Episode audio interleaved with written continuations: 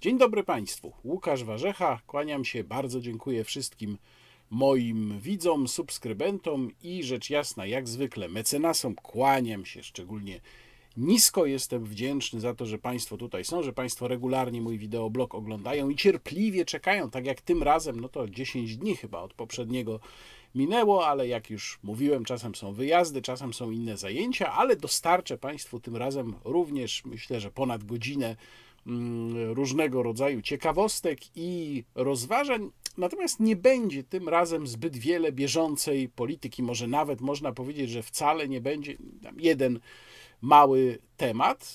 Warto czasem spojrzeć na rzeczy z trochę innej perspektywy, zająć się jakimiś sprawami pozornie pobocznymi, ale z których wypływają bardziej ogólne wnioski. Widziałem, że niektórzy z Państwa prosili, czy też mieli nadzieję, że będę komentował uchwalenie przez Sejm polskiego e, wału. E, otóż nie będę tego komentował z prostego powodu. Polski wał, e, który rzeczywiście przeszedł 235 pięcioma głosami, trafił do Senatu. No i co Senat z nim zrobi, to zobaczymy.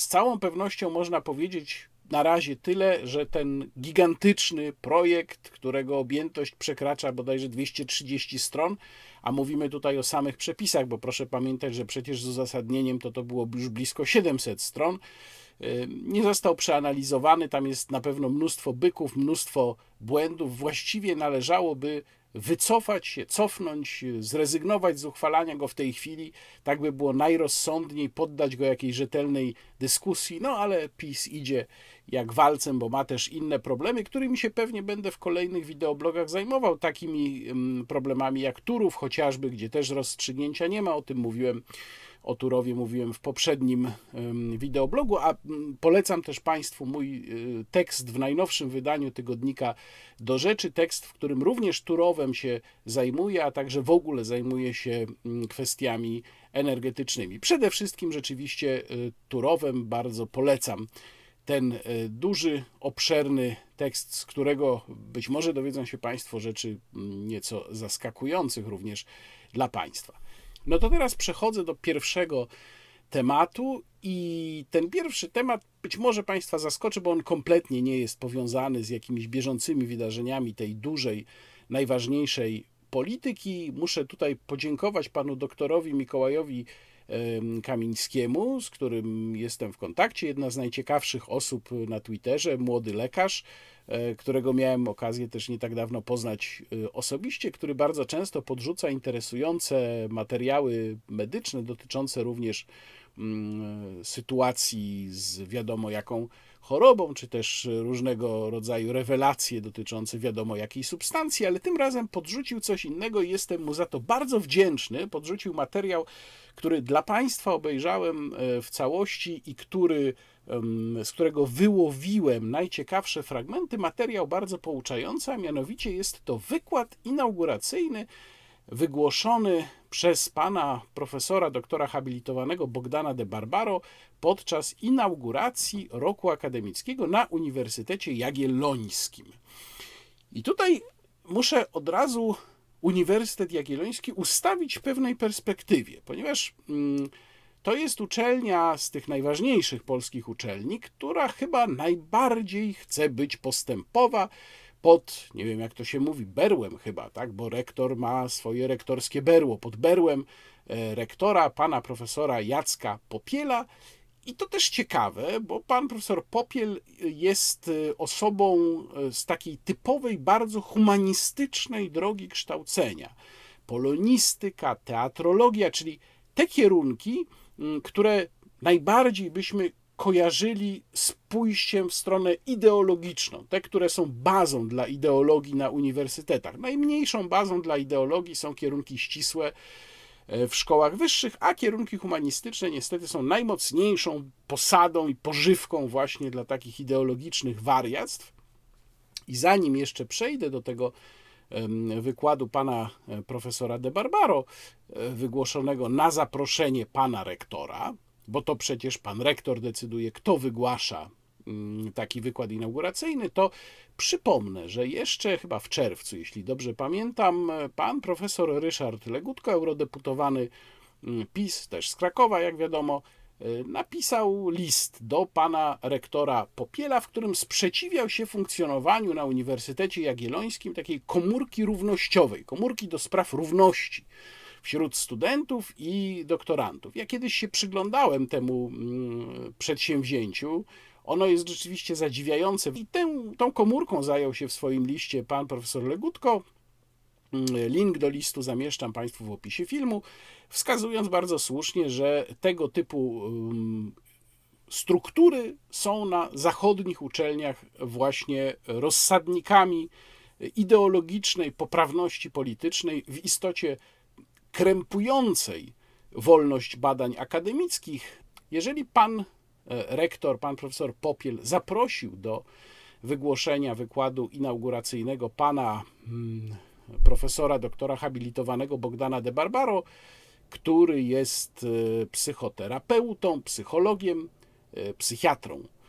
To zrobił to przecież z pełną świadomością, kogo zaprasza i jak sądzę, nie bez uzgodnień, co mówca na takim wykładzie inauguracyjnym powie.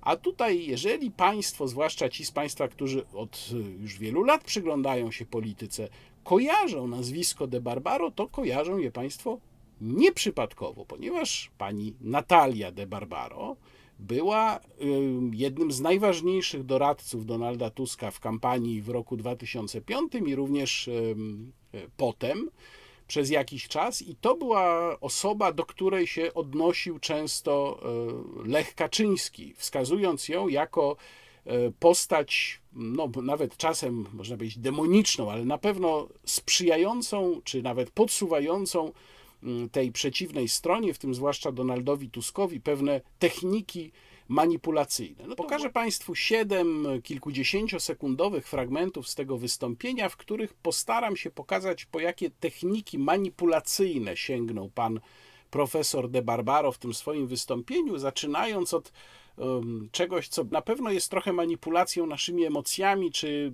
manipulacją odbiorcami, którzy ten wykład mogli oglądać, bo sama jego sceneria, sam ten układ w pewien sposób narzuca odbiorcy od razu interpretację. Proszę zobaczyć, ja też do całości inauguracji, łącznie z tym wykładem, zamieszczam Państwu link. Jak zawsze zamieszczam linki do y, źródeł, z których czerpię, żebyście Państwo mogli sobie sami wyrobić e, zdanie na te tematy, oglądając całość, jeżeli podejrzewają Państwo, że ja coś wycinam z kontekstu. W każdym razie, no jest e, sala, nobliwa sala, na ścianie portret Jana Pawła II, portret świętej Jadwigi, siedzi pan rektor, siedzą szefowie wydziałów, y, są studenci, wybrani oczywiście, bo nie wszyscy, i nobliwy pan profesor de Barbaro z siwą głową wychodzi i wygłasza takie zatroskane wystąpienie o trzech pandemiach, y, czyli to jest pandemia nienawiści, postprawdy i głupoty w kontekście pandemii COVID. No i on z taką właśnie troską o ludzkość, o świat, o tolerancję wygłasza to wystąpienie, które w gruncie rzeczy zawiera znacznie więcej niż te siedem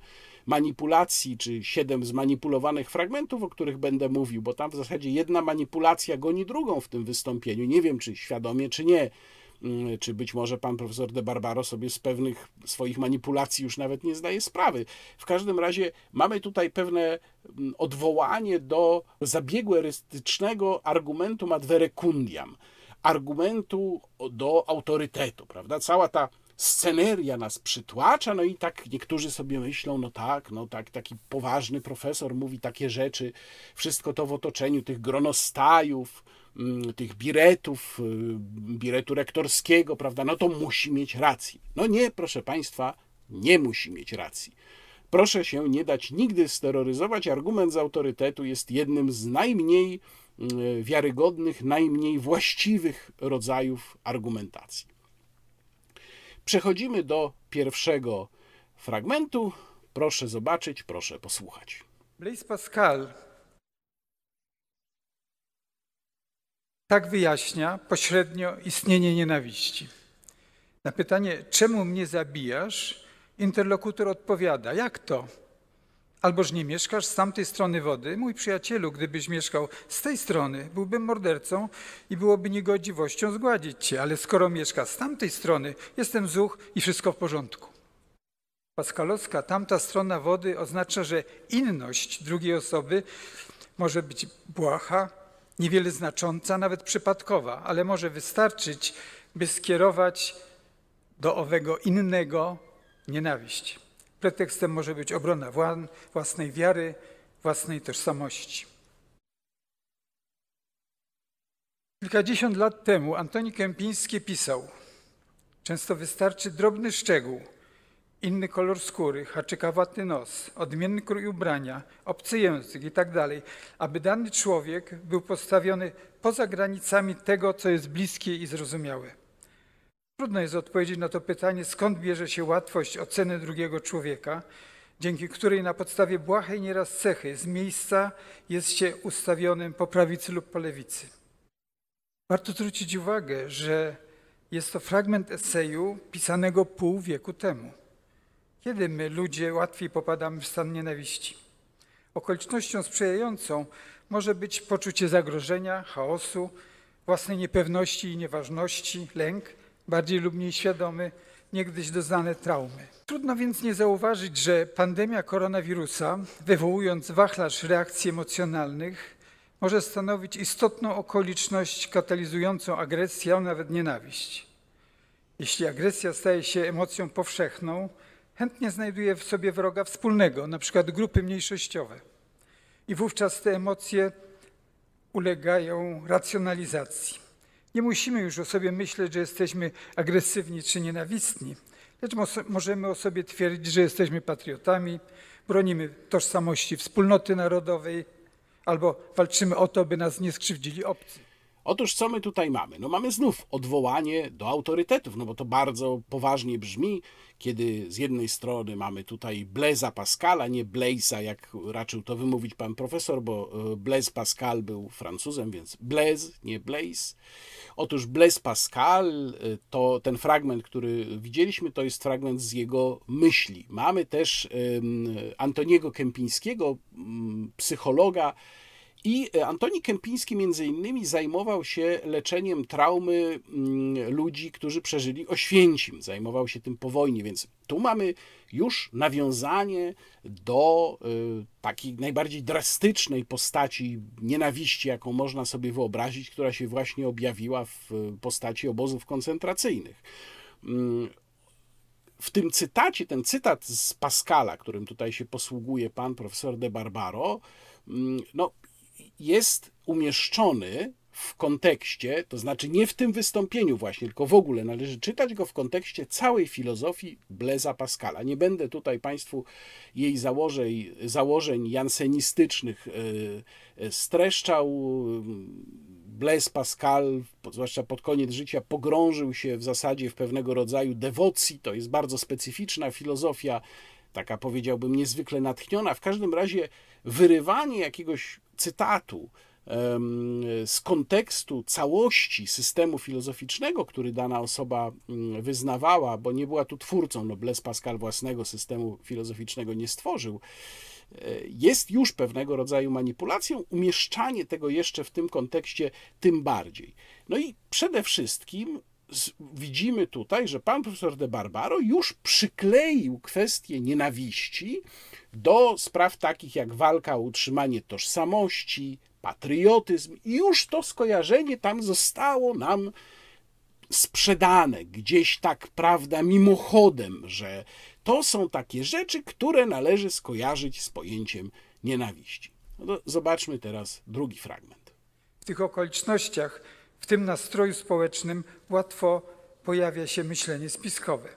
Przykładowo, w lipcu 2021 roku pracownia badawcza Social Changes na zlecenie portalu w polityce.pl sprawdziła, co Polacy myślą na temat genezy pandemii koronawirusa. Na pytanie, czy pandemia koronawirusa, która przeorała nasz świat, to niezawiniony przez nikogo przypadek, czy też efekt jakiegoś planu bądź spisku, aż 39% ankietowanych osób uznało bardziej lub mniej jednoznacznie, że pandemia to efekt spisku. Jest interesujące, że gotowość do dostrzegania spisku jest różna w zależności od preferencji politycznej respondentów. Ataki antyszczepionkowców na punkt szczepień są drastycznym wyrazem tego, że za teoriami spiskowymi może podążać agresja. W tym przykładzie Nieufność dotyczy pochodzenia koronawirusa, ale pamiętajmy, że gotowość do wykluczania i podejrzewania innego ma charakter uniwersalny. Tu z kolei mamy pojęcie spisku. Ono się też musiało pojawić. Tylko problem polega na tym, że tak jak zresztą w wielu innych fragmentach tego wystąpienia, pan profesor de Barbaro nie definiuje spisku nie mówi nam, co to jest jego zdaniem spisek. I to jest problem, z którym się wielokrotnie zmagamy. Problem braku definicji. Rzuca się jakieś pojęcie, tego w tym wystąpieniu jest w ogóle bardzo dużo.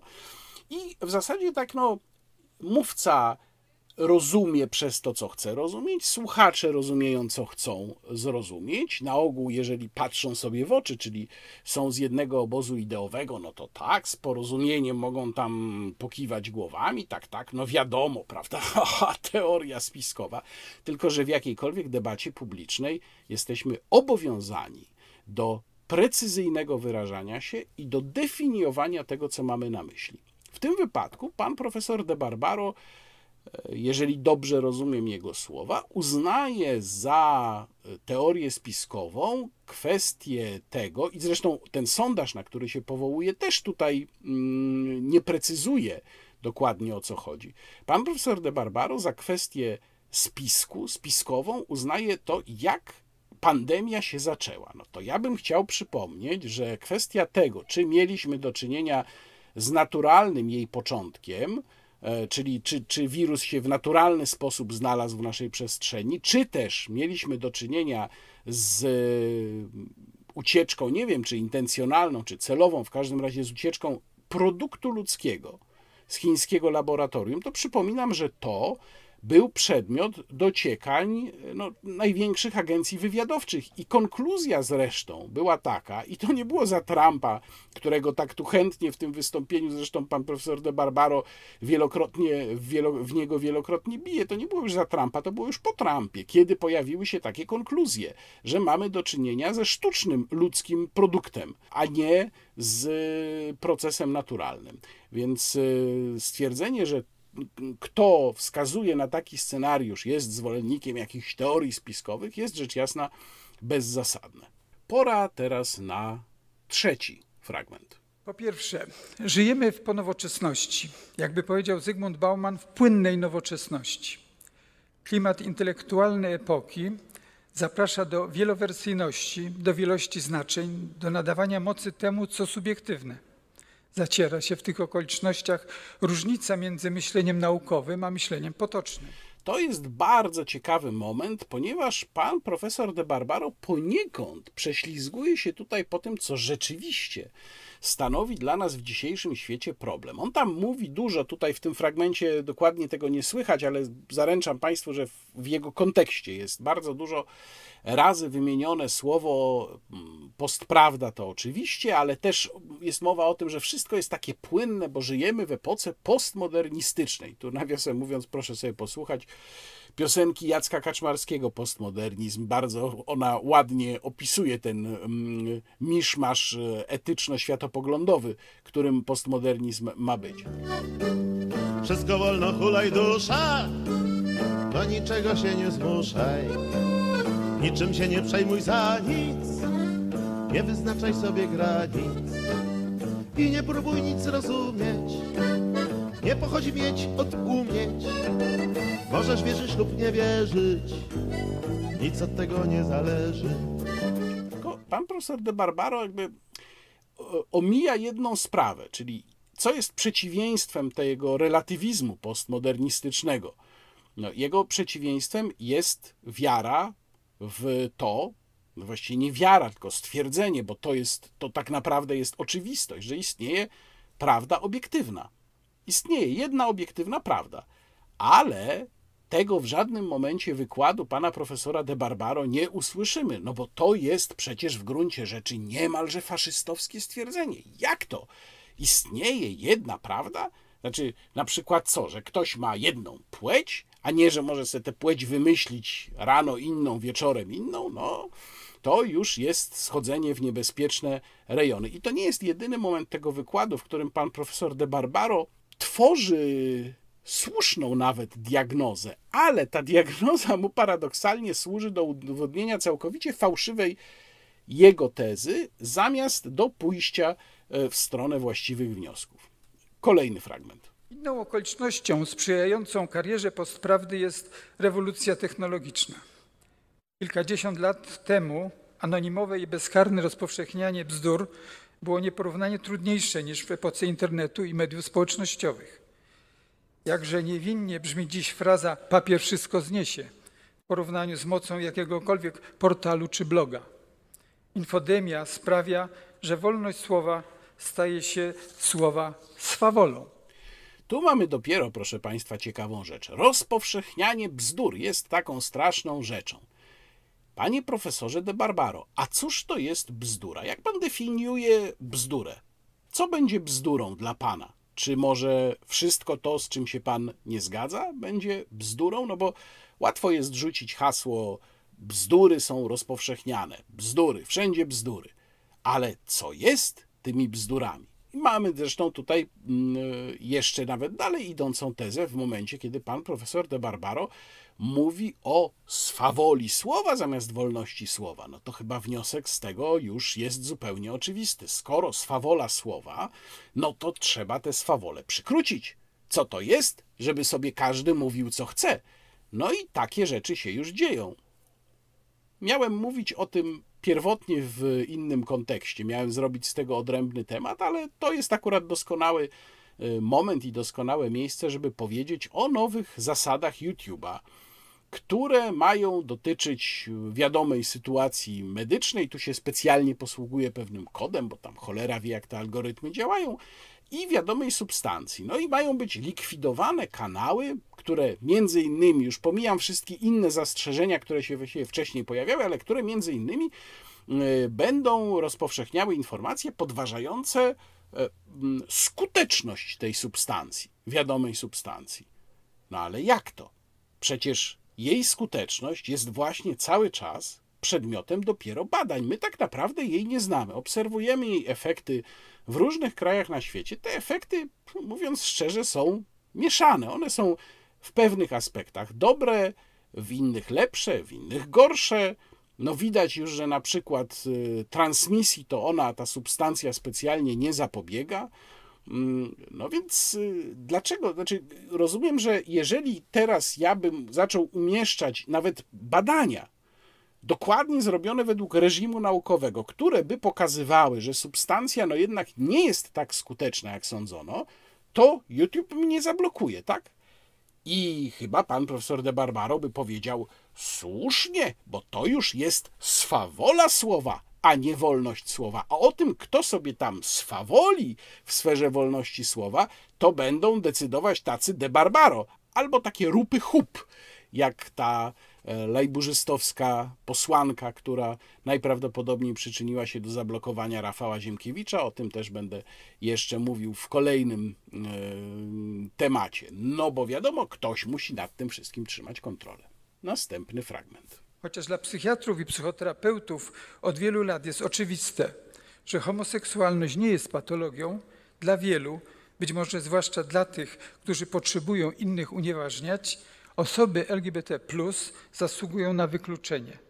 Tak oto postprawda idzie pod rękę z agresją i nienawiścią.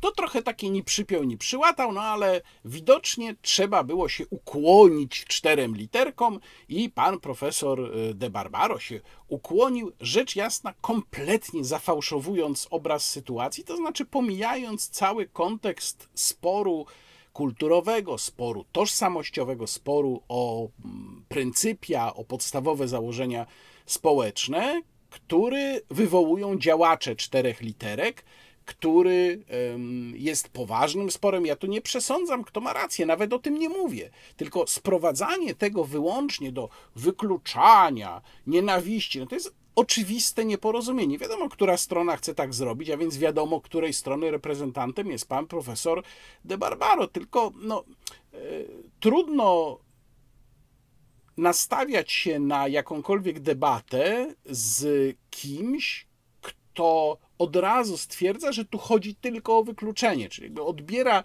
przeciwnej stronie prawo do tego, żeby no, nie godzić się na pewne postulaty.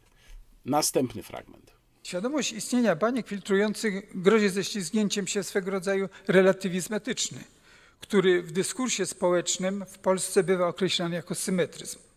Bo skoro możliwe są różne wersje, to dotarcie do wersji prawdziwie prawdziwej staje się niemożliwe. To taka ciekawostka to mnie uderzyło w tym wystąpieniu, to znaczy zrównanie symetryzmu z relatywizmem etycznym. Nie wiem, czy pan de Barbaro nie wie, co jest, jaka postawa jest nazywana symetryzmem, ale wiem, że dla kręgów, które prawdopodobnie on, z którymi prawdopodobnie on sympatyzuje, dla kręgów Gazety Wyborczej, której chętnie udziela wywiadów, symetryści są najgorszymi wrogami. Oczywiście oni są wrogami też dla tej przeciwnej strony. Ja nawiasem mówiąc, jak Państwo wiedzą, nie jestem wielbicielem terminu symetryzm, wolę raczej termin obiektywizm. No ale generalnie rzecz biorąc, przecież symetryzm, tak jak jest nawet rozumiany popularnie, on nie sprowadza się do jakiejś neutralności etycznej. Panie profesorze, co pan tam wygaduje? Symetryści to są ci, którzy odmawiają zapisania się do tej czy do tej armii. Ale dlaczego oni są tak znienawidzeni? Bo każda z tych armii myśli, nie zapisał się, czyli jest przebrzydły etycznie, bo przecież nasza jest prawda i to nasza prawda jest najmojsza, a tamci są źli i z nimi trzeba walczyć.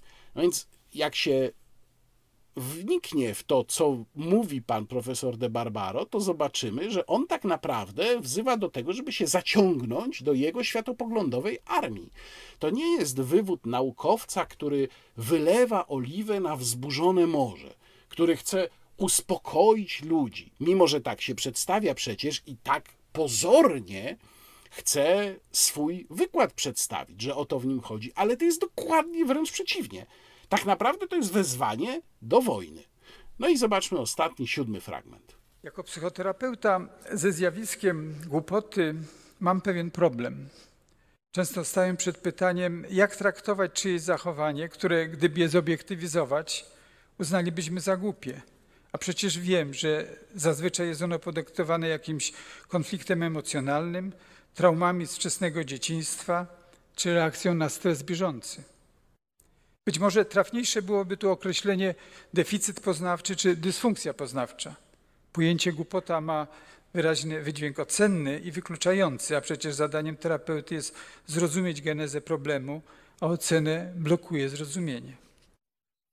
Rozważając zagadnienie głupoty, należy odróżniać między głupią reakcją, a więc szybką, bezpośrednią odpowiedzią na bodziec, a głupim przekonaniem, a więc rezultatem procesów poznawczych. Reakcją głupią, ale być może zrozumiałą, będzie wykrzykiwanie wulgarnych słów pod adresem kierowcy, który zajechał nam drogę. Natomiast twierdzenie, że dobrze jest jeździć po terenach zabudowanych z prędkością 100 km na godzinę, uznamy za głupie niezależnie od tego, jakie było dzieciństwo autora tego przekonania. Jednak nawet te dystynkcje stawiają terapeutę w pozycji wysoce niewygodnej.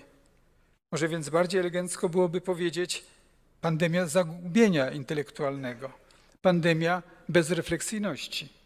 Myślę jednak, że są sytuacje, kiedy, kiedy terapeuta powinien zawiesić swoją perspektywę rozumiejącą, przyjąć perspektywę obywatela i wprost nazwać głupim zachowaniem. Na przykład tych, którzy atakują, jakoby w imię obrony wolności, personel ośrodka szczepień antykowidowych. Znów fragment bardzo interesujący, ponieważ pojawia się w nim pojęcie głupoty, które znowu nie zostaje zdefiniowane. Po prostu tak sobie pan de Barbaro rzuca głupota, głupota, głupota, czyli bardzo szerokie pojęcie i bardzo nieostre, którym można objąć w zasadzie każdego, z kim się pan profesor de Barbaro nie zgadza i powiedzieć, no, jak zobiektywizujemy to, to będzie to głupek. Tylko co to znaczy zobiektywizujemy? Czy pan de Barbaro chce powiedzieć, że istnieje jakaś obiektywna głupota i głupi jest ten, kogo on nazwie głupim? No nie, panie profesorze de Barbaro, to jednak nie pan będzie tutaj tworzył luźną i magmowatą definicję tego, kto jest głupi, po prostu poprzez stwierdzenie, że ci, z którymi się pan nie zgadza, są głupi. A tak niestety wynika ze słów pana de Barbaro, który zresztą dopuszcza się kolejnej manipulacji w tym fragmencie, gdzie mówi o tym, że jeżeli ktoś mówi, że dobrze jest jeździć po terenach zabudowanych z prędkością 100 km na godzinę, no to jest właśnie ta taka głupota wynikająca już z, z nieprzemyślenia pewnych spraw, a nie odruchowa, nie ta emocjonalna, tylko że tak nikt nie mówi. Tu pan de Barbaro znowu dopuszcza się manipulacji. Trochę tak jak w przypadku czterech literek wcześniej, gdzie też pominął cały kontekst sporu, poważnego sporu wokół postulatów tej grupy, a tutaj pomija cały kontekst sporu wokół przepisów drogowych, kar, ich współmierności do winy i tak dalej. To jest, to jest poważna dyskusja sprowadzona tutaj do takiego, ach, takiego pyk, no tutaj, ha, wiadomo, głupki mówią, że można jeździć 100 km na godzinę po terenie zabudowanym. No, to są chwyty tak naprawdę tak prymitywne, że mm, przystoją piętnastolatkowi z liceum, a nie siwiejącemu profesorowi. Znaczy, gdyby nie ten cały entourage, gdyby nie te mm, uniwersyteckie birety, gronostaje i gdyby nie ten siwy profesor de Barbaro, to tak naprawdę słysząc tego typu środki erystyczne, można by przyjąć, że mamy do czynienia z jakąś dyskusją w, w drugiej klasie liceum. No, na pewno nie z wykładem inauguracyjnym na poważnym uniwersytecie. I wreszcie jeszcze jedna bardzo ważna rzecz, która pada w tym fragmencie. Stwierdzenie pana profesora de Barbaro, że w obliczu tej głupoty terapeuta ma prawo zawiesić swoje podejście terapeutyczne, naukowe na kołku i stać się obywatelem i powiedzieć, że głupota to jest głupota. To jest właśnie to, o czym Państwu wcześniej mówiłem, czyli to jest wezwanie do zaciągnięcia się do wojska. To znaczy, no dobrze, w pewnych sprawach to tam może trzeba zachować wstrzemięźliwość, ale jeżeli ktoś będzie nam mówił coś, co naprawdę nas wzburzy, no to już mamy prawo się nie zachowywać jak naukowcy, tylko jak pałkarze. I do tego sprowadza się cały ten wykład inauguracyjny pod auspicjami pana e, rektora Popiela. Więc ja powiem Państwu zupełnie szczerze, mm, na pewno miałbym duży problem, żeby wysłać swoje dziecko na Uniwersytet Jagielloński, który na tle innych szkół wyższych w Polsce jawi się w tej chwili jako najbardziej tak naprawdę lewacka placówka mm, edukacji wyższej w naszym kraju.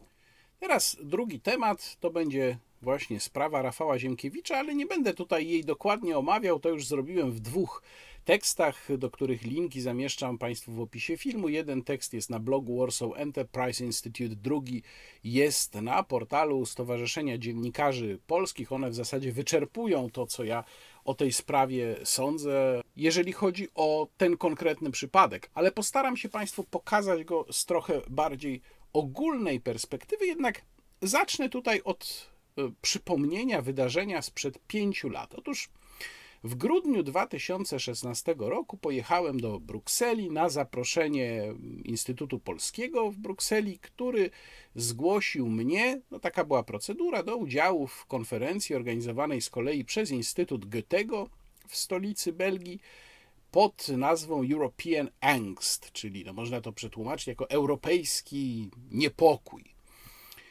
To była Instytut Goethego, jeżeli Państwo znają, no to mogą sobie Państwo wyobrazić, jaka to była, jaki był profil tej konferencji. Mogę tylko powiedzieć, że główną gwiazdą na tym spotkaniu był Sławoj Żyżek. No to już Państwo sobie mogą wyobrazić. Ja tam wziąłem udział w panelu zatytułowanym Words, Words, Words, czyli słowa, słowa, słowa, w którym była mowa o tabloidyzacji, o um, fake newsach, o nakręcaniu emocji, wszystkie te rzeczy, którymi lewica uwielbia uzasadniać różnego rodzaju ograniczenia nakładane na wolność słowa. Dlatego właśnie o tym mówię w kontekście sprawy Rafała Ziemkiewicza. Całość tego panelu mogą Państwo zobaczyć również w linku, bo on był yy, filmowany. To jest dosyć długie, ale może warto zobaczyć. Forma tego była taka, że było dwoje gości, ja i taka niemiecka dziennikarka. Prowadził to mm, dziennikarz, publicysta z Włoch, jeżeli dobrze pamiętam, i była taka młoda publiczność, która tam siedziała po bokach na scenie i mogła zadawać nam pytania, komentować mm, w odpowiednich momentach i rzecz jasna była również y, publiczność na sali. No i ja w pewnym momencie pozwoliłem sobie, odpowiadając na pytanie jednego z tych młodych ludzi, przypomnieć kazus Alana Kurdiego. I ten fragment właśnie chciałbym Państwu pokazać. Hello, yeah. Uh, my name is Piotr. I'm uh, Dutch, and I study post-Soviet politics in uh, UCL in London. Uh, my question is probably more relevant to Sonia, um, and is how can traditionally respected media outlets or mainstream media uh, stay relevant to a big audience in a post-truth world where facts and the opinion of experts don't really matter anymore? Um, and with the rise of news channels like Russia Today uh, on TV or on Sputnik um, and Breitband online um, that gained, gain more and more influence. And sort of as a follow-up to that question, uh, do you feel that mainstream media has failed to distance themselves over time from the establishment? Uh, and this is just a reaction to it. Well, it, this was a very um, good question about the separation of so-called reputable media from ordinary people. And now I will have uh, a terrible confession to make that I used to work for 10 years in the biggest Polish daily newspaper called Fact, which is based, and it still is the biggest Polish newspaper, based on the pattern of uh, German Bild. Um, and I still write for another tabloid newspaper. Now, this is the second biggest uh, tabloid newspaper, newspaper in general, in Poland. And not only I'm not ashamed of that, but I'm proud of that because I think these are the media that are really close to people and not so-called reputable highbrow media. And now, as far as highbrow media who do fact-checking, as you said, are concerned, let me remind you the story that Mr. Sheffer mentioned in the previous panel about the little boy washed on the beach. As you perhaps remember, first there was a heartbreaking picture, and only then those reputable media found out the father with the boy did not, had not traveled directly from Syria, but from Turkey, where they were not endangered. And by the way, the body of the boy was moved to the exactly to the shore so that it looked better in the pictures. So for me, this is to sum up fact checking in the reputable media. This is uh, ridiculous. this makes no difference. The boy died. This makes great difference because they were not escaping the war. They were traveling to Europe for better economic conditions, not escaping direct danger. This is And great so? difference. This is great difference. And And so the responsibility lies solely on the father and not, and not on anyone else. and what about Polish uh, Polish workers working in England who are now at the receiving end of racism? It's their fault. Why did they go there? They're only looking for a better life. Don't compare. This was what Herta Miller did yesterday. She compared refugees of 1956 from Hungary with economic refugees from alien cultures. This is incomparable, completely incomparable. And however strongly you denied it, however strongly you denied it, however strongly you denied, there is a big difference between people who move among countries within Europe and people who come from outside Europe, from other alien cultures. Okay, now one, one second because this is not. No, hold on a second. This is not going well. Some people deserve to die. That's the result. What I get is some people deserve to die. If it's economic, there it's fine if, you, if they die. Yes. No responsibility. no, now this no, is no. the No way you want no to ethics, discuss no problems. responsibility. I hear exactly what when I participate in such discussions. This is exactly the same. Now you start. Now you start hearing from the audience at me because I'm incomf- uncomfortable here with you, and you are uncomfortable with me, and that is exactly what I expected to happen. Historię tego chłopczyka Alana Kurdiego warto przypomnieć w kontekście tego, co się dzieje dzisiaj przy polskiej wschodniej granicy. E, zdjęcie z 2015 roku, które obiegło światowe media i bardzo się przyczyniło do mm, wzmożenia wokół sprawy kryzysu migracyjnego, Willkommen Kultur i tak dalej, czyli ten chłopczyk leżący twarzą w dół na plaży. No ja tam przypomniałem, jak e, Państwo słyszeli, ci z Państwa, którzy znają angielski, przypomniałem, jak to było. Przypomniałem, że e, to nie byli uchodźcy z, bezpośrednio z Syrii, to byli owszem uchodźcy z Syrii, ale oni już dawno wcześniej uszli do Turcji. Mieszkali w tej Turcji i to już od dosyć dawna. A tatuś tego Alana po prostu chciał, y, to potem wyszło w rozmowach z nim, chciał mieć bezpłatną opiekę dentystyczną, która jest w Unii Europejskiej. Dlatego wziął swoje dzieci w bardzo niebezpieczną drogę morzem z Turcji do Grecji. Ja tam mówiłem na scenie, że no to jest odpowiedzialność ojca. Do śmierci tego chłopca doprowadził ojciec. Nie jaka, jacyś nieczuli Europejczycy, tylko ojciec ponosi za to odpowiedzialność tylko i wyłącznie. Podobnie jak w przypadku migrantów, którzy są na polskiej granicy, odpowiedzialność za to, co się na przykład dzieje z, z, dziećmi, które zostały na taką wyprawę zabrane, ponoszą przede wszystkim ich rodzice. To oczywiście nie wyklucza jakiejś formy humanitarnej pomocy, ale nie mieszajmy tutaj tego, kto za co jest odpowiedzialny.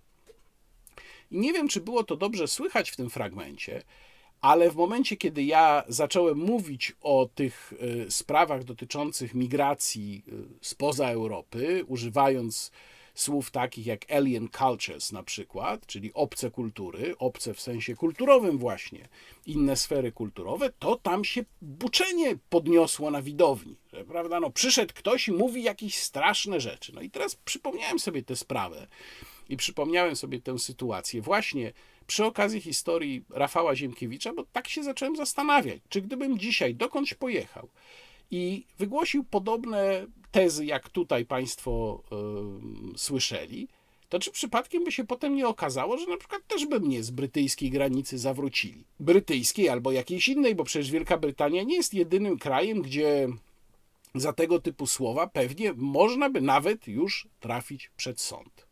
Oczywiście widownia na tej konferencji miała prawo reagować jak chciała. No, na tym polega też wolność słowa, że ja mówiłem tam co chciałem, a widownia buczała. No, mogli buczeć, absolutnie, chociaż to mówi dużo o ich nastawieniu i zdolności do znoszenia tez, które się nie podobają. I to jest właśnie główny problem, bo proszę Państwa, wolność słowa nie jest tak naprawdę miła i wygodna dla wszystkich, chociaż jest dla wszystkich bardzo dobra.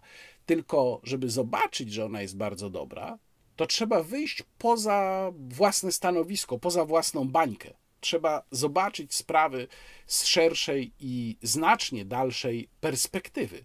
No bo proszę pomyśleć, tak normalnie, no to na czym polega wolność słowa? Słyszymy rzeczy, które nam się nie podobają, słyszymy rzeczy, których nie lubimy słyszeć. Mamy jeszcze w dodatku świadomość, że ten, kto je mówi, może do tych swoich poglądów przekonać jakieś inne osoby. No, no nie jest to fajne, prawda? To nikt tego nie lubi. Byśmy, pewnie wszyscy byśmy woleli, żeby wszyscy się z nami zgadzali. No to jest taki pierwszy, mm, pierwszy odruch naturalny. Wiem, że pewnie wielu z Państwa wolałoby inaczej, bo lubi jednak różnice. Mm, tak jak przywoływany y, przeze mnie już w kilku tekstach ostatnio Stefan Kisielewski w swoim, w swoich, w swoim kodeksie człowieka pobłażliwego wskazywał w pierwszym paragrafie właśnie na tę różnorodność, że człowiek pobłażliwy tę różnorodność szczególnie ceni. Ale mam wrażenie, że dzisiaj to jest naprawdę coraz mniejsza grupa ludzi, która ceni tę różnorodność a coraz większa e, część e, z dużą niechęcią myśli właśnie o wolności słowa. No, gdybyśmy na serio to potraktowali, to rzecz jasna, my konserwatyści też się musimy pogodzić z pewnymi koncesjami. Tutaj tak naprawdę każdy musi postąpić krok w tył. Konserwatyści muszą, muszą się pogodzić z tym, że pewne ważne dla nich wartości też będą naruszane w ramach wolności słowa. I trudno tylko mam wrażenie, że to jednak nie konserwatyści mają przede wszystkim z wolnością słowa dzisiaj problem. Że taka Rupa Huk ma problem z wolnością słowa znacznie większy niż Rafał Ziemkiewicz. Kluczem do zrozumienia skąd się bierze ten, te, skąd się biorą te zapędy cenzorskie, jest kultura nieurażania. Na tym w ogóle się opiera e, cały pomysł na cenzurę, poprawną politycznie cenzurę, która krępuje wolność słowa. Nie wolno nikogo urażać. Nawet widziałem zrzut ekranu ostatnio z jakiejś e, grupy dyskusyjnej, takiej właśnie maksymalnie politpoprawnej, gdzie było powiedziane, że w tej grupie niedozwolone jest śmianie się, bo śmianie się to bullying. Bullying, czyli takie no, prześladowanie, prawda? To jest też niedozwolone, to jest złe. Ktoś by się mógł poczuć dotknięty. Zawsze będzie ktoś, kto się będzie czuł czymś dotknięty, a ponieważ zawsze kogoś takiego da się znaleźć, więc zawsze poglądy kogoś da się w ten sposób ocenzurować, bo wskaże się kogoś tam, powie się, no on nie chce być nazywany murzynem, proszę nie używać słowa murzyn, na przykład. E, albo cokolwiek innego. Musimy, jeżeli chcemy zachować wolność słowa, to musimy zrezygnować z zestawiania na piedestale poczucia własnego komfortu. To oczywiście jest, to poczucie własnego komfortu jest oczywiście środkiem manipulacji. Ono jest instrumentalnie wykorzystywane przez lewicę, ale jest pokazywane jako główny powód. Nikt nie może się czuć źle, Nikt nie może się poczuć urażony, nikt nie może się poczuć obrażony. Nie wolno, nie, nie, nie, nie, nie. Trzeba y, wyrażać się w sposób politycznie poprawny, tak, żeby nikogo nie urazić. Śmiać się nie wolno, ironizować nie wolno, broń Boże, obrażać nie wolno, krytykować nie wolno, bo przecież ktoś, jak jest skrytykowany, to się może też poczuć źle, prawda, i dyskomfortowo z tym, że jest skrytykowany. To jest istota sprawy jeżeli zgodzimy się na to, że tak, dyskusja, debata, wolność słowa polegają na tym, że czasem się kogoś obrazi, czasem się kogoś dotknie. I tak, mamy prawo to robić. Mamy prawo nawet obrażać. Jesteśmy, najwyżej wyjdziemy na ludzi niekulturalnych, niewrażliwych. No trudno, ale mamy prawo. Tylko w ten sposób uda nam się zachować dostęp do wolności słowa. Następny temat, y, chyba jedyny bardziej bieżący, też trochę schowany, trochę ukryty w tle, ale chciałbym go Państwu tutaj przedstawić, to jest y, kwestia samochodu Sławomira Nowaka. Najprawdopodobniej Sławomira Nowaka. Tutaj się pojawiają różne mm, interpretacje i różne informacje, ale zaraz Państwu powiem, dlaczego uważam, że to jednak jest samochód Sławomira Nowaka. Otóż ten samochód, wart podobno 400 tysięcy, Range Rover, został zabezpieczony przez prokuraturę na poczet ewentualnej przyszłej kary, gdyby taka kara miała być wymierzona, oczywiście już w wyniku mm, wyroku, prawomocnego wyroku. Trzeba trochę wyjaśnić tę instytucję prawną, jaką jest zabezpieczenie mienia na poczet y, przyszłej kary. Z takiego instrumentu korzysta prokuratura, tutaj nie jest mm, konieczny wyrok sądu, na mocy kodeksu postępowania karnego, który odsyła y, w tej sprawie do y, z kolei kodeksu cywilnego. I to jest no, narzędzie, które też zawsze może budzić kontrowersje, bo proszę pomyśleć, zostaje zajęta w tym wypadku akurat jakaś ruchomość osoby, która ma w tej chwili status podejrzanego, no bo nawet nie oskarżonego jeszcze. Postępowanie sądowe może się toczyć, wliczając w to dwie instancje, może nawet kasację, całymi latami. I ta rzecz, ta ruchomość cały czas jest zabezpieczona w tym okresie. Ten samochód w tej chwili jest wart 400 tysięcy. Gdyby on stanął po prostu gdzieś na parkingu policyjnym i stał przez 8 lat, tyle może trwać taki proces, to ile będzie wart na koniec? 50 tysięcy? No może.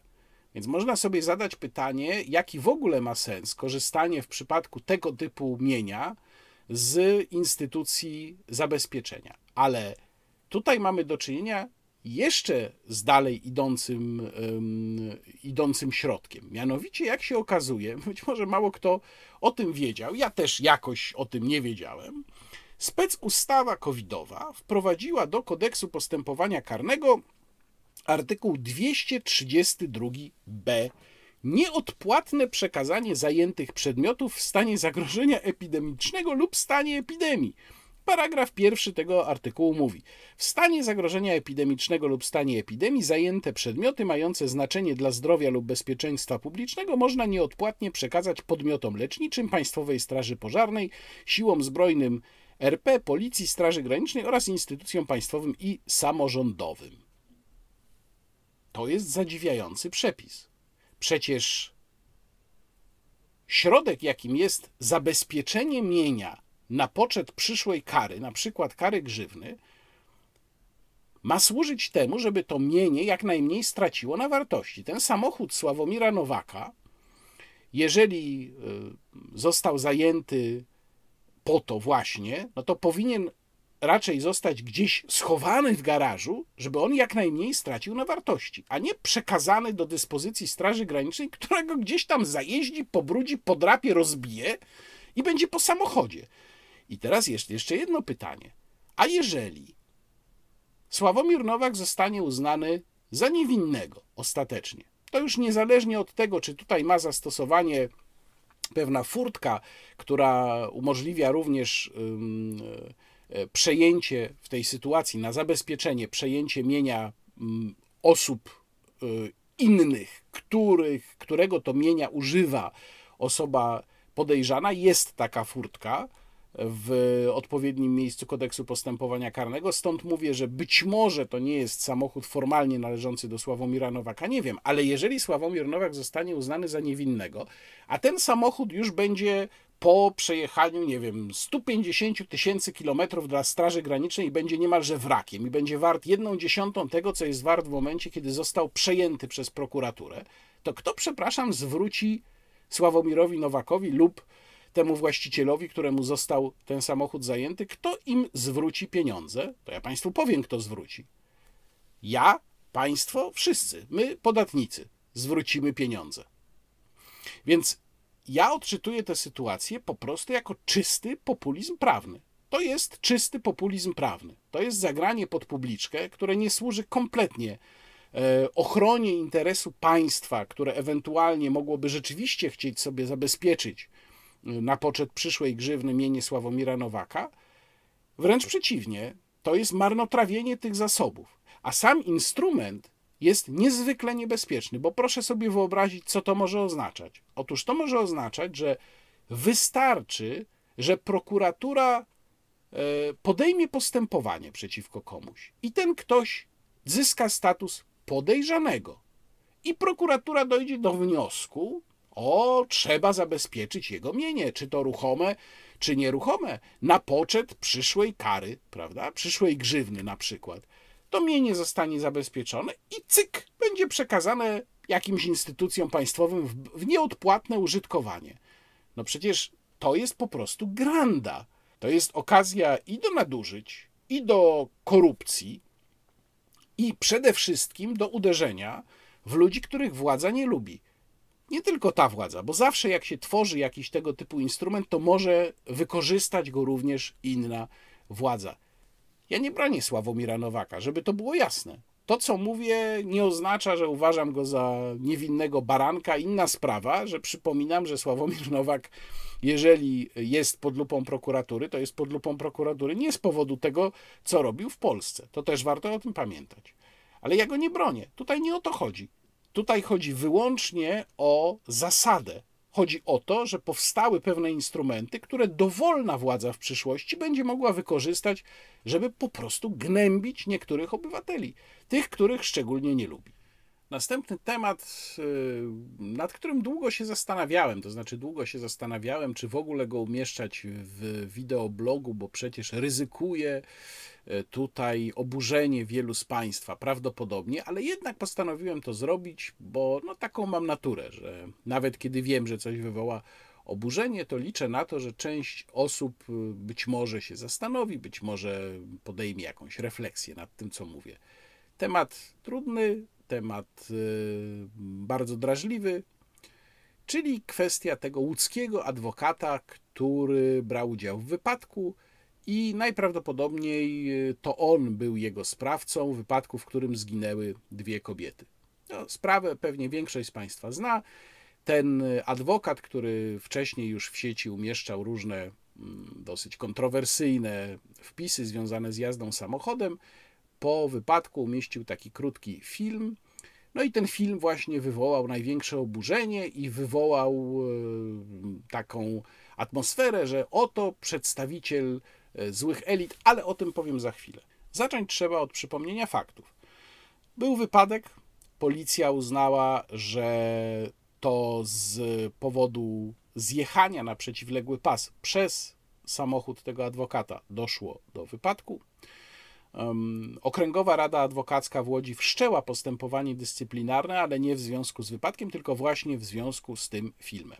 No więc zacznijmy od tego, że ja ten film obejrzałem. Nie umieszczam go tutaj, bo nie wiem nawet, czy on jest jeszcze dostępny, a myślę też, że mm, nie ma takiej potrzeby. Natomiast wysłuchałem bardzo uważnie, co ten człowiek w tym filmie powiedział. Wbrew temu, co potem zaczęło się mówić, on się nie usprawiedliwiał.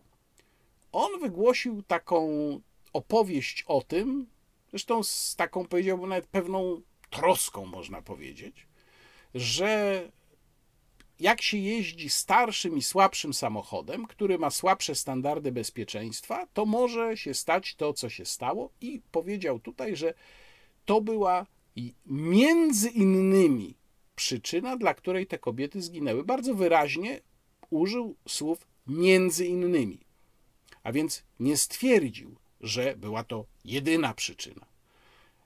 I właściwie z tak postawioną sprawą trudno się nie zgodzić. No tak, najprawdopodobniej tak było.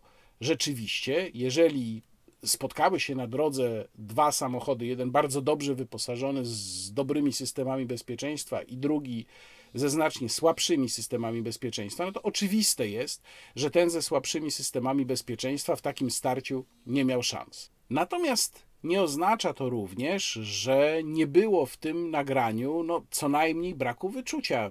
Tutaj się w pełni zgadzam. Jeżeli się rzeczywiście spowodowało taki wypadek, no to nie powinno się chwilę po nim tak naprawdę występować z takim przesłaniem. Ale czy to uzasadniało cały ten zalew fatalnych emocji wokół tej sprawy, który się potem pojawił? Ja się zacząłem nad tym zastanawiać bardzo szybko i doszedłem do wniosku, że nie, że tu zagrały pewne, moim zdaniem, bardzo szkodliwe stereotypy. Pierwszy stereotyp jest taki, że zły przedstawiciel elit, które mają w pogardzie zwykłych ludzi, natychmiast tutaj nagrywa pouczający filmik, że jakby jeździli dobrymi samochodami, to by nie umierali w wypadkach na drogach. No, to jest jednak zdecydowanie za daleko postawiona teza i za daleko idąca interpretacja tego, co się wydarzyło.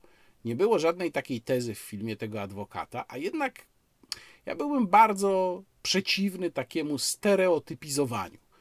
Mówieniu, że a to jak adwokat, no to już zła elita. No, oczywiście są pewne średnie wzorce zachowań w elicie, a także wśród zwykłych ludzi, jasna sprawa. Ale kiedy mamy do czynienia z konkretną kwestią, konkretnym wydarzeniem, konkretnym zdarzeniem drogowym, tak jak w tym wypadku, no to patrzmy na konkretne okoliczności. A konkretne okoliczności są tutaj takie, że nie znamy przyczyn tego wypadku. To znaczy, przyczynę znamy, ale nie znamy, znamy tylko bezpośrednią przyczynę, nie znamy przyczyn innych. Policja stwierdziła, że mm, jego samochód zjechał na przeciwległy pas ruchu, ale tu drugi stereotyp, przyczyna została uznana za to samo co wina. No nie, przyczyna to nie jest wina. Samochód mógł zjechać na przeciwległy pas ruchu z różnych powodów. Jednym z powodów mogła być zbyt duża prędkość i niezapanowanie nad pojazdem, no to wtedy rzeczywiście wina byłaby prowadzącego, ale równie dobrze mógł to być manewr obronny, bo na przykład prowadzącemu wybiegł przed maskę łoś.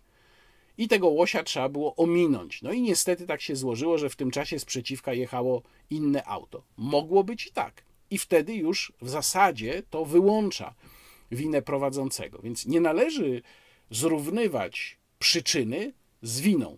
I wreszcie trzecia rzecz, ponieważ moje tweety dotyczące tej sprawy się spotkały z bardzo burzliwą reakcją. Otóż, proszę Państwa, to wszystko, co ja mówię, to jest próba pewnego ostudzenia emocji. Nie pierwszy raz to robię. Uważam po prostu, że emocji jest zbyt dużo i nie można na podstawie stereotypizacji emocji e, zwłaszcza w takich sprawach, orzekać o tym, czy ktoś jest winny, czy nie. Natomiast wszystko to, co powiedziałem, nie jest obroną tego człowieka. To jest właśnie kolejny szkodliwy stereotyp. Zawsze wtedy, w podobnej sytuacji, kiedy ktoś wychodzi, mówi: chwileczkę, no wstrzymajmy się.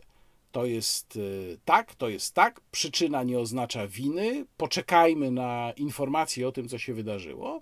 To wtedy ludzie się rzucają, właśnie napełnieni, nabuzowani tymi emocjami, pan go broni. Nie, ja go nie bronię. Być może on jest winny. Może się tak okazać. Oczywiście, że tak. Policja będzie tę sprawę badać, jak policja ją zbada, to prokuratura dostanie materiały, bo prokuratura przecież w tej sprawie oczywiście musi wejść, jako że doszło do śmiertelnego wypadku. Prokuratura albo skieruje akt oskarżenia do sądu, albo go nie skieruje. Jeżeli go skieruje, to ten adwokat stanie przed sądem i dopiero przed sądem po wyroku będziemy mogli powiedzieć, że tak, rzeczywiście został uznany za winnego. Przy czym też proszę pamiętać, to jest też bardzo ważne, że czym innym jest wina orzeczona przez sąd, to jest wtedy, kiedy winę można udowodnić, a czym innym jest faktyczna wina. Mówiąc bardzo obrazowo, ktoś może być faktycznie zabójcą, ale przed sądem nie udało mu się tego wykazać. Sąd uzna go za niewinnego, ale przecież to nie znaczy, że on naprawdę nie zabił. Myślę, że warto było jednak parę słów na temat tej sprawy, tej trudnej sprawy powiedzieć, właśnie po to, żeby trochę spuścić powietrze. Teraz czas na dział kulturalny, a że znów miałem okazję trochę po Polsce w ostatnim e, czasie pojeździć, no to mam Państwu trochę do powiedzenia. Najpierw o Niepołomicach, bardzo pięknej, przyjemnej, kameralnej miejscowości pod Krakowem, w której byłem na konferencji polsko-ukraińskiej organizowanej przez e, Klub Jagielloński i konferencja odbywała się na Zamku Królewskim w Niepołomicach. Zamek, który został ufundowany przez Kazimierza Wielkiego w XIV wieku, ale potem był wielokrotnie przebudowywany i najważniejsza przebudowa zdarzyła się w wieku XVI. To było za Zygmunta Augusta i to była ta sama przebudowa, której został poddany Wawel, czyli mm, która stworzyła z tego zamku zamek renesansowy. Zresztą właściwie na wzór Wawelu można powiedzieć, albo mm, może nie tyle na wzór, co w tym samym stylu, szczególnie, że tak jak i przy Wawelu, i przy Baranowie Sandomierskim, który jest też nazywany drugim Wawelem, y, Również przy zamku w Niepołomicach pracował włoski architekt Santi Gucci, ten sam, który właśnie nadał taki najważniejszy kształt zamkowi na Wawelu. W zamku w Niepołomicach w tej chwili jest hotel i restauracja, bardzo zresztą przyjemny hotel. Myślę, że warto go rozważyć, jeżeli się jedzie gdzieś w okolice mm, Krakowa.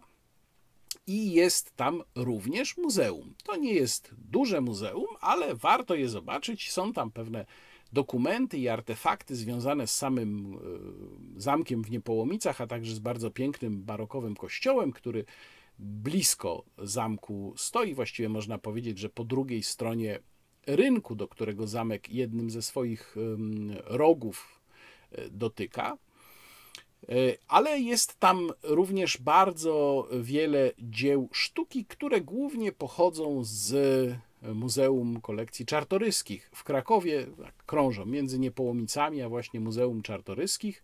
Tu powiem Państwu tylko o dwóch ciekawostkach. Pierwsza ciekawostka to jest kazanie świętego Jana Chrzciciela, obraz Broichla młodszego, e, który kopiował i namalował bardzo dużo obrazów, dokładnie wzorując się na Broichlu starszym.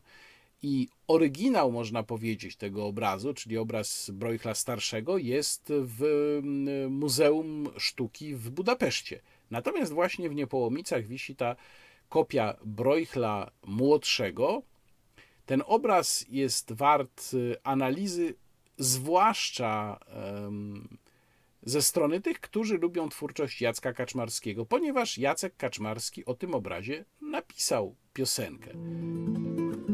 Miasto, katedra, mur, daleko, na wzgórzu stary las nad miastem, nad uchodzącą w niebo rzeką, w półmroku barwną skrył hałastrę. Nie wiem, czy Kaczmarski ten obraz, ten konkretny obraz widział. Wiem, że on pisał wiele piosenek, mm, nie widząc obrazów, o których pisał, bo w ogóle napisał wiele piosenek o obrazach.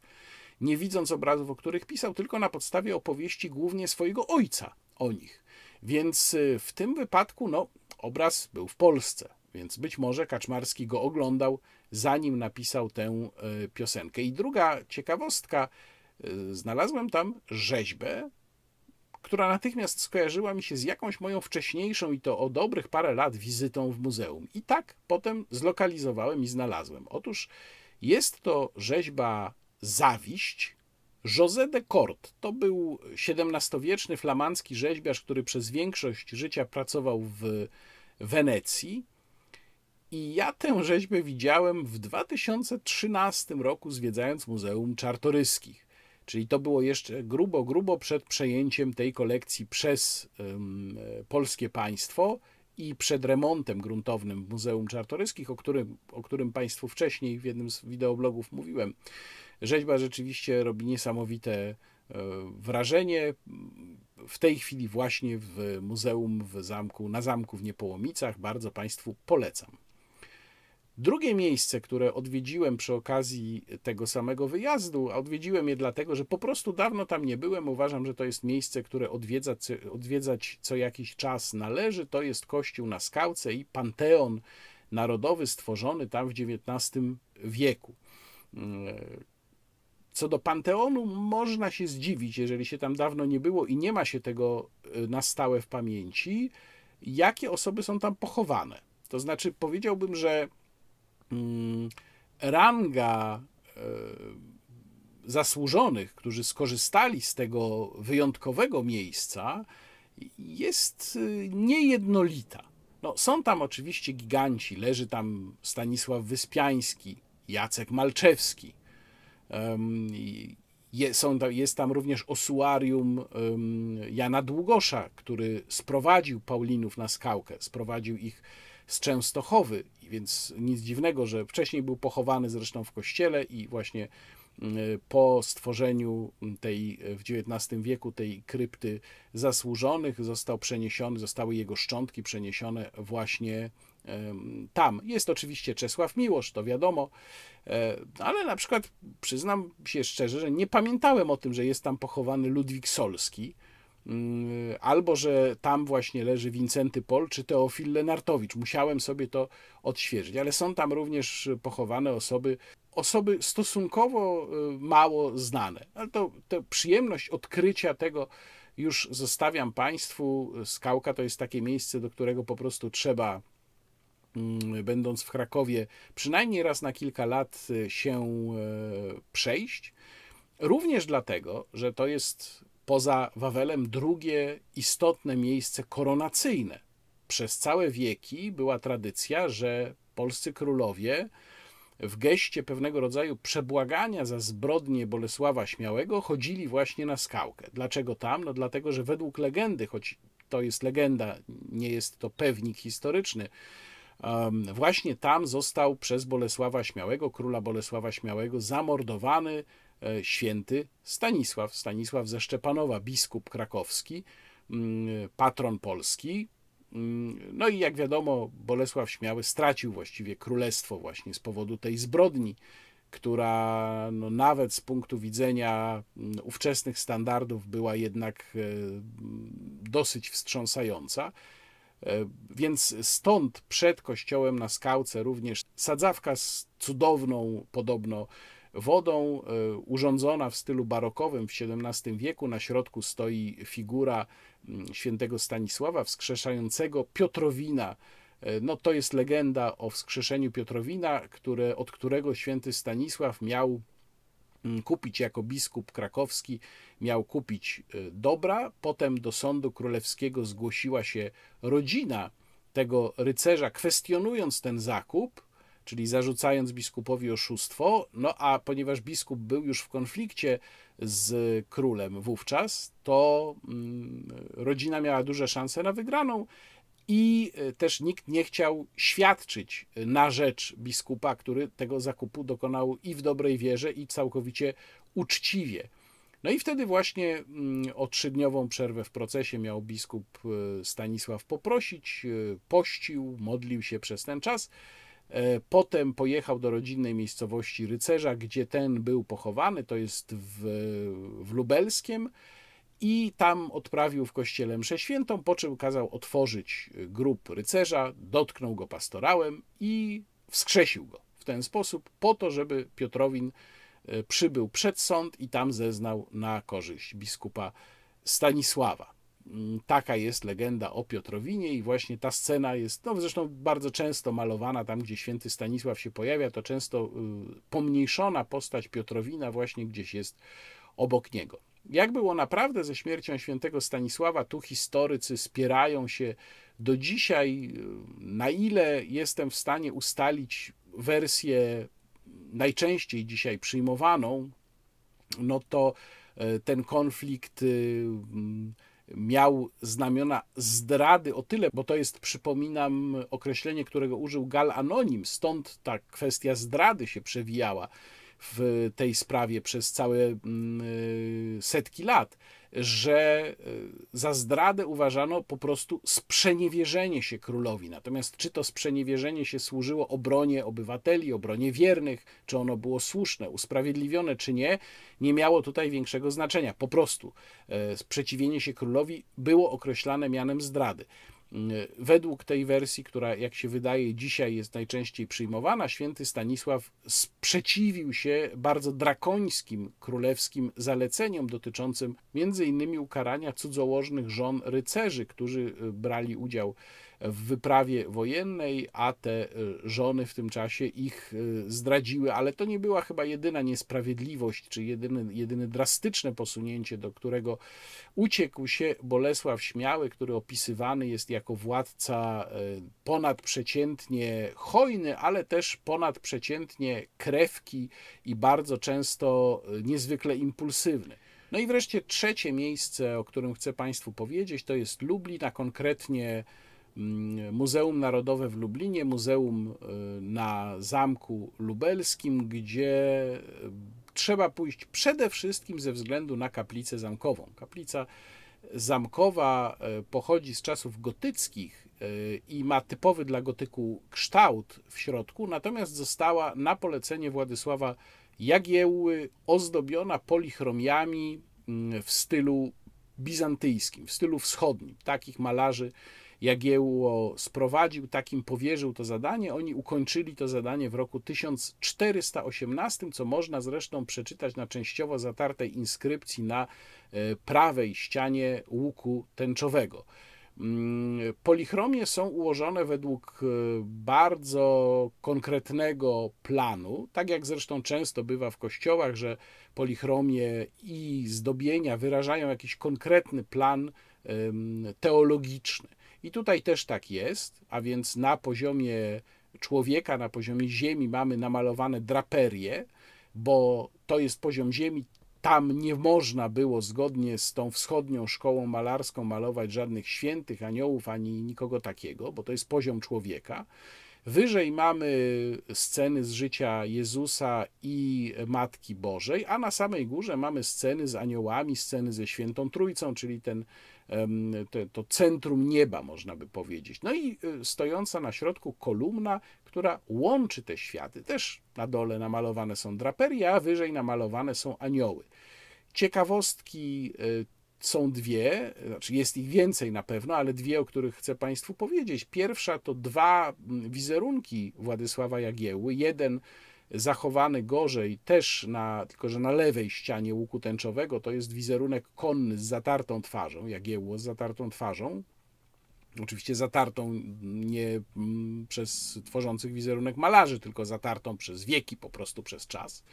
I drugi to jest Jagiełło ukazany bez insygniów królewskich, klęczący przed Matką Bożą, jako fundator malowideł w tej kaplicy. A druga ciekawostka to są wydrapane na ścianach tablicy inskrypcje, które zostały zachowane przy konserwacji właśnie dlatego, że one też dokumentują całe wieki mm, obecności ludzkiej w tym miejscu. Tam można w niektórych, przy niektórych z tych napisów odnaleźć jeszcze datę, na przykład połowa XVII wieku. No, jak się okazuje, taki rodzaj wandalizmu również wtedy działał. No ale to nie jest jedyne miejsce warte odwiedzenia w Muzeum Narodowym w Lublinie Tam jest jeszcze wystawa, e, chyba w, otwarta w 2013 bodajże roku, jeśli dobrze pamiętam, wystawa archeologiczna o regionie i polecam ją, dlatego że jak często wystawy archeologiczne bywają nudne, a ta wystawa jest bardzo dobrze zrobiona, e, ma dużo multimediów i jest naprawdę ciekawa. Ja drugi raz ją zwiedziłem, e, pierwszy raz byłem w Zamku Lubelskim przed remontem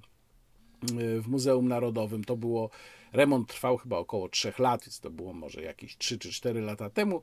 Zwiedziłem ją z dużym zainteresowaniem wtedy i teraz również zwiedziłem ją z dużym zainteresowaniem. Natomiast y, i ona się nie zmieniła przy okazji remontu, natomiast y, inne wystawy, inne miejsca w zamku się bardzo zmieniły, więc tym bardziej mm, warto zobaczyć, nawet jeżeli ktoś już tam był. Jest bardzo interesująco zrobiona ekspozycja malarstwa i zdobnictwa na parterze. Jest znakomicie zaaranżowana wystawa ikon na pierwszym piętrze, nieopodal właśnie wejścia do kaplicy. Ciemne wnętrze, ikony oświetlone punktowo, nastrojowa muzyka w tle. Naprawdę warto, bo to robi bardzo duże wrażenie. No mamy też ciekawie zaaranżowaną, bo tematycznie, a nie chronologicznie, wystawę malarstwa polskiego, gdzie na honorowym miejscu, na samym końcu tej wystawy, to widać już od wejścia, wisi e, obraz e, Unia Lubelska e, Jana Matejki. A zatem polecam Lublin, polecam Niepołomice, jak zawsze polecam Kraków i polecam też mój wideoblog. E, do zobaczenia następnym razem. Łukasz Warzecha, kłaniam się.